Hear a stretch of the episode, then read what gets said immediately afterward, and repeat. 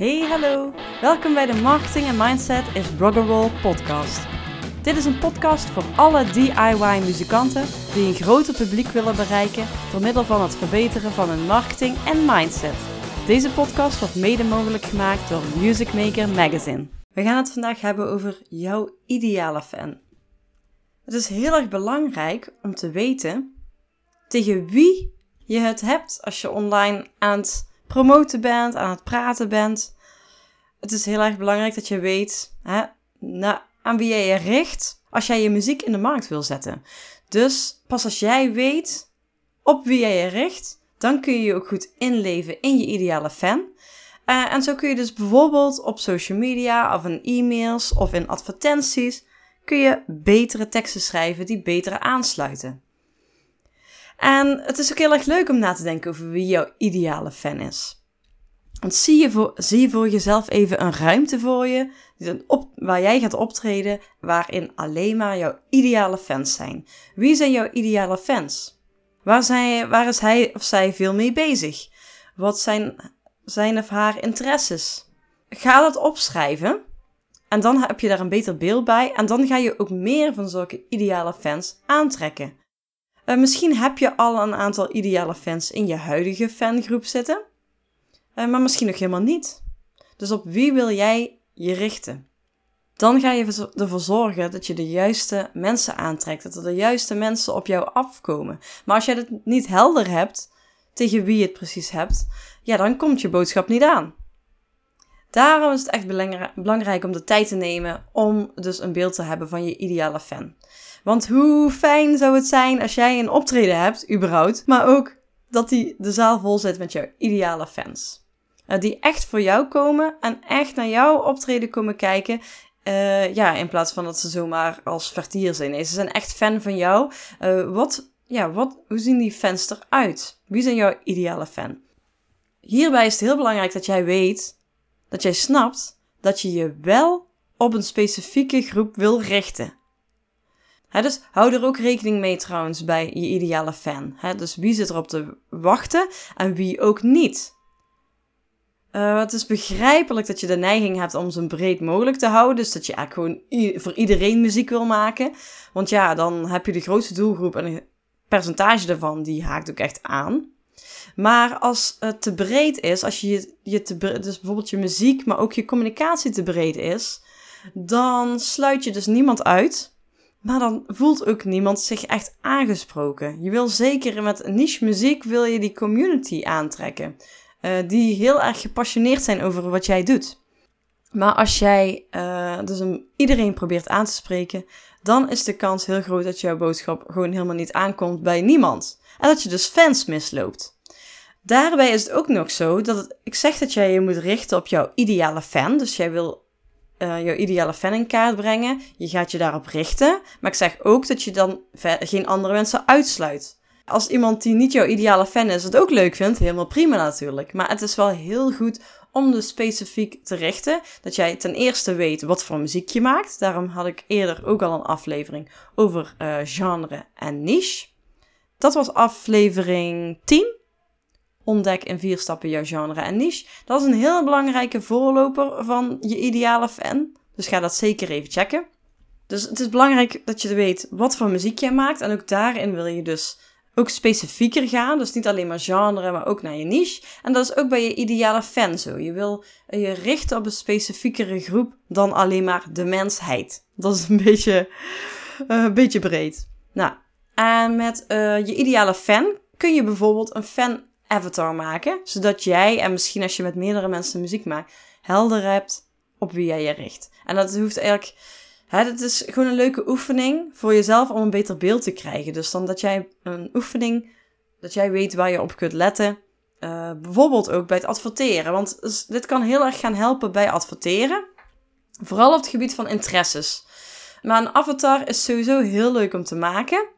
Een avatar is eigenlijk een beschrijving van de demografische dus leeftijd, uh, locatie, bla, psychologische en sociologische aspecten van jouw ideale fan. En dat gaat dus veel verder dan alleen leeftijd, geslacht en regio.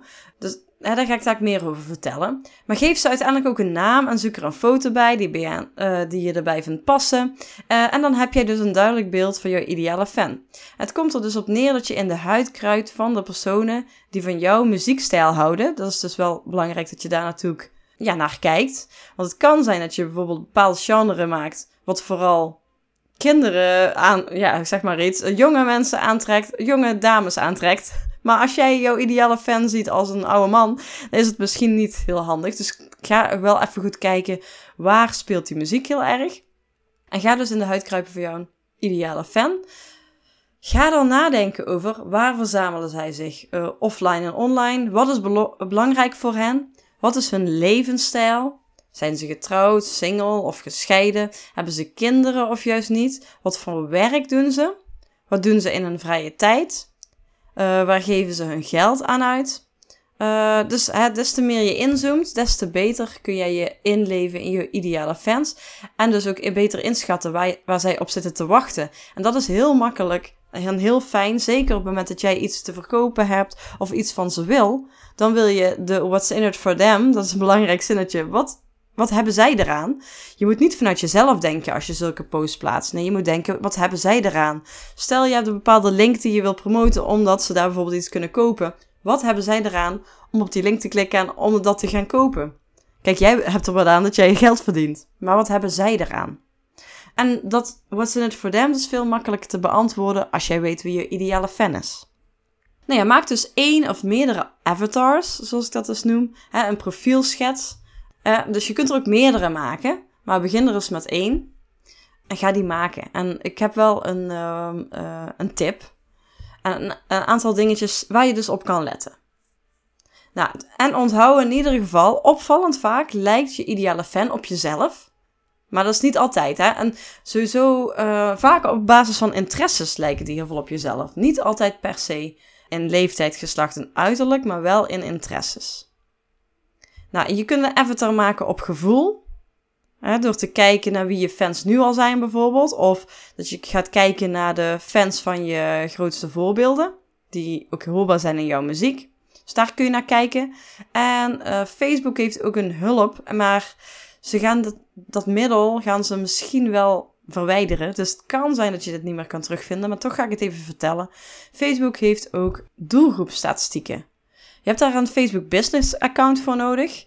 En dan kun je in het menu, dus ga je uh, business.facebook.com. En als je daar al een account hebt, kun je in het menu uh, zoeken naar doelgroepstatistieken. Dus niet doelgroep, ook niet statistieken. Nee, doelgroepstatistieken. Dat staat er dan letterlijk.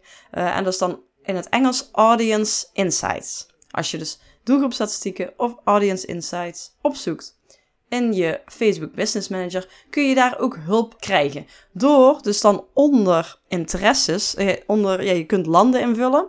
Dan kies je bijvoorbeeld locaties. Een aantal landen waar je je op wil richten.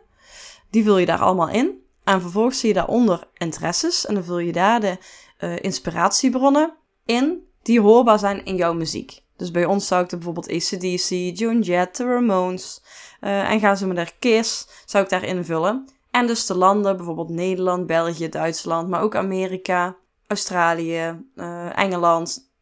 Dus dat speel ik ook altijd een beetje mee. Soms haal ik wat uh, landen weg, want dan krijg je ook andere resultaten. Nou, vul die dingen in. Dus vooral landen en interesses. En Verder niks. Je gaat geen uh, demografische gegevens invullen zelf, want die krijg je daar dan uit. Dus ga dat maar eens opzoeken. Dat is een beetje lastig uitleggen via, via een podcast. Maar als je dus hulp wil, ga eens checken of dat jouw Facebook eh, business account nog doelgroepstatistieken of audience insights heeft. En ik kan jou helpen met het beantwoorden van de volgende dingen. Bijvoorbeeld namelijk, nou ja, wat is het geslacht van je ideale fan? Dit kun je dus bepalen op basis van de fans die je nu al hebt. Dus heb je nu bijvoorbeeld heel veel vrouwen die naar je optreden komen. Uh, dan kan het zijn dat, je, dat jouw ideale fan ook vrouw is. Bij ons is het een man. Bij ons zie je echt voor 90% mannen bij hardrock concerten staan. Uh, je kunt dus ook kijken nog naar je inspiratiebronnen. Dan kun je om je heen kijken als je zelf een keer bij een concert van hun bent. Bijvoorbeeld bij ACDC zie je ook voornamelijk mannen, dus dat klopt wel een beetje. Dus zo kun je onderzoek, maar je dus ook de Audience Insights, de doelgroepstatistieken van Facebook, kun je daar ook dus die inspiratiebronnen invullen en die landen. En dan komt daar ook een percentage man-vrouw uit. En dan pak je bijvoorbeeld het meeste percentage man of vrouw. Uh, je kunt ook um, leeftijd inschatten. Dus maak bijvoorbeeld een, uh, vul bijvoorbeeld een 10 jaar range in. Dus je hoeft niet per se een. maar je kunt wel bijvoorbeeld daar dan middenin een leeftijd prikken. Bij ons is dat bijvoorbeeld 45 tot 55 jaar. En dan zou ik bijvoorbeeld onze Henk, onze, mijn avatar Henk, zou ik dan bijvoorbeeld 50 jaar kunnen laten zijn. Dan heb je een beetje een beeld. En dit alles kun je dus ook weer op basis van je huidige fanbase invullen op gevoel. Of op basis van je uh, vergelijkbare inspiratiebronnen. Uh, op, en ook op basis van de Facebook uh, tool die ik net noemde. Verder heb je dus naast geslacht, leeftijd, heb je ook relatiestatus, opleidingsniveau, in welke sector ze werk, werkzaam zijn. Dat is echt op, bij Facebook kun je dat goed zien dan. Iets daarin wat je opvalt, dat er bijvoorbeeld heel opvallend vaak mensen in bepaalde sector werken. Bijvoorbeeld in de bouw, of juist in de horeca, of juist in de, weet ik veel, dienstensector, zeg het maar. Misschien heb je daar een bepaald beeld bij. Vul dat dan ook in. Uh, zit je ideale fan nog op school, of is hij aan het werken? Nou, dat zijn een beetje de geografische en demografische gegevens. Uh, en dan komt vooral het interessante. Wat zijn je favoriete websites van je ideale fan? Nou, dit kun je ook met behulp van Facebook doen. Of je gaat rondvragen bij je huidige fans. Dan heb je meteen weer een leuke post voor op je social media. Van wat zijn je favoriete websites? Bijvoorbeeld uh, blogs of vlogs of uh, zeg je dat, um, die, dus over muziek schrijven. Misschien krijg je daar bepaalde ideeën bij. Of misschien ben je zelf dus fan van bepaalde act. En ben je zelf ook iemand die bepaalde websites bezoekt waarvan je weet, hey, dit zijn de websites uh, waar, ik, ja, waar mijn ideale fan komt. Want door dit ideale fan onderzoek krijg je ook heel veel ideeën voor andere promotie. Dus buiten je online marketing kun je dan ook hè, je een wenslijstje maken van oh, de websites waar je op wil komen met een review. De tijdschriften, tijdschriften is de volgende, de tijdschriften waar je in wil komen. Nou, en ga zo maar door. De festivals waar je op wil spelen. Dat is eigenlijk ook een soort promotie natuurlijk. Dus daar kun je dus onderzoek naar doen. En dat helpt uh, heel erg als je dus een goed beeld hebt van je ideale fan. Dus wat zijn de favoriete websites?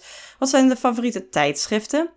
Nou, wat zijn de favoriete andere muzikanten en bands? Nou ja, daar hebben we het al een beetje over gehad. Dat, dat je daar waarschijnlijk al een beeld over hebt. Over je inspiratiebronnen die hoorbaar zijn in je muziek.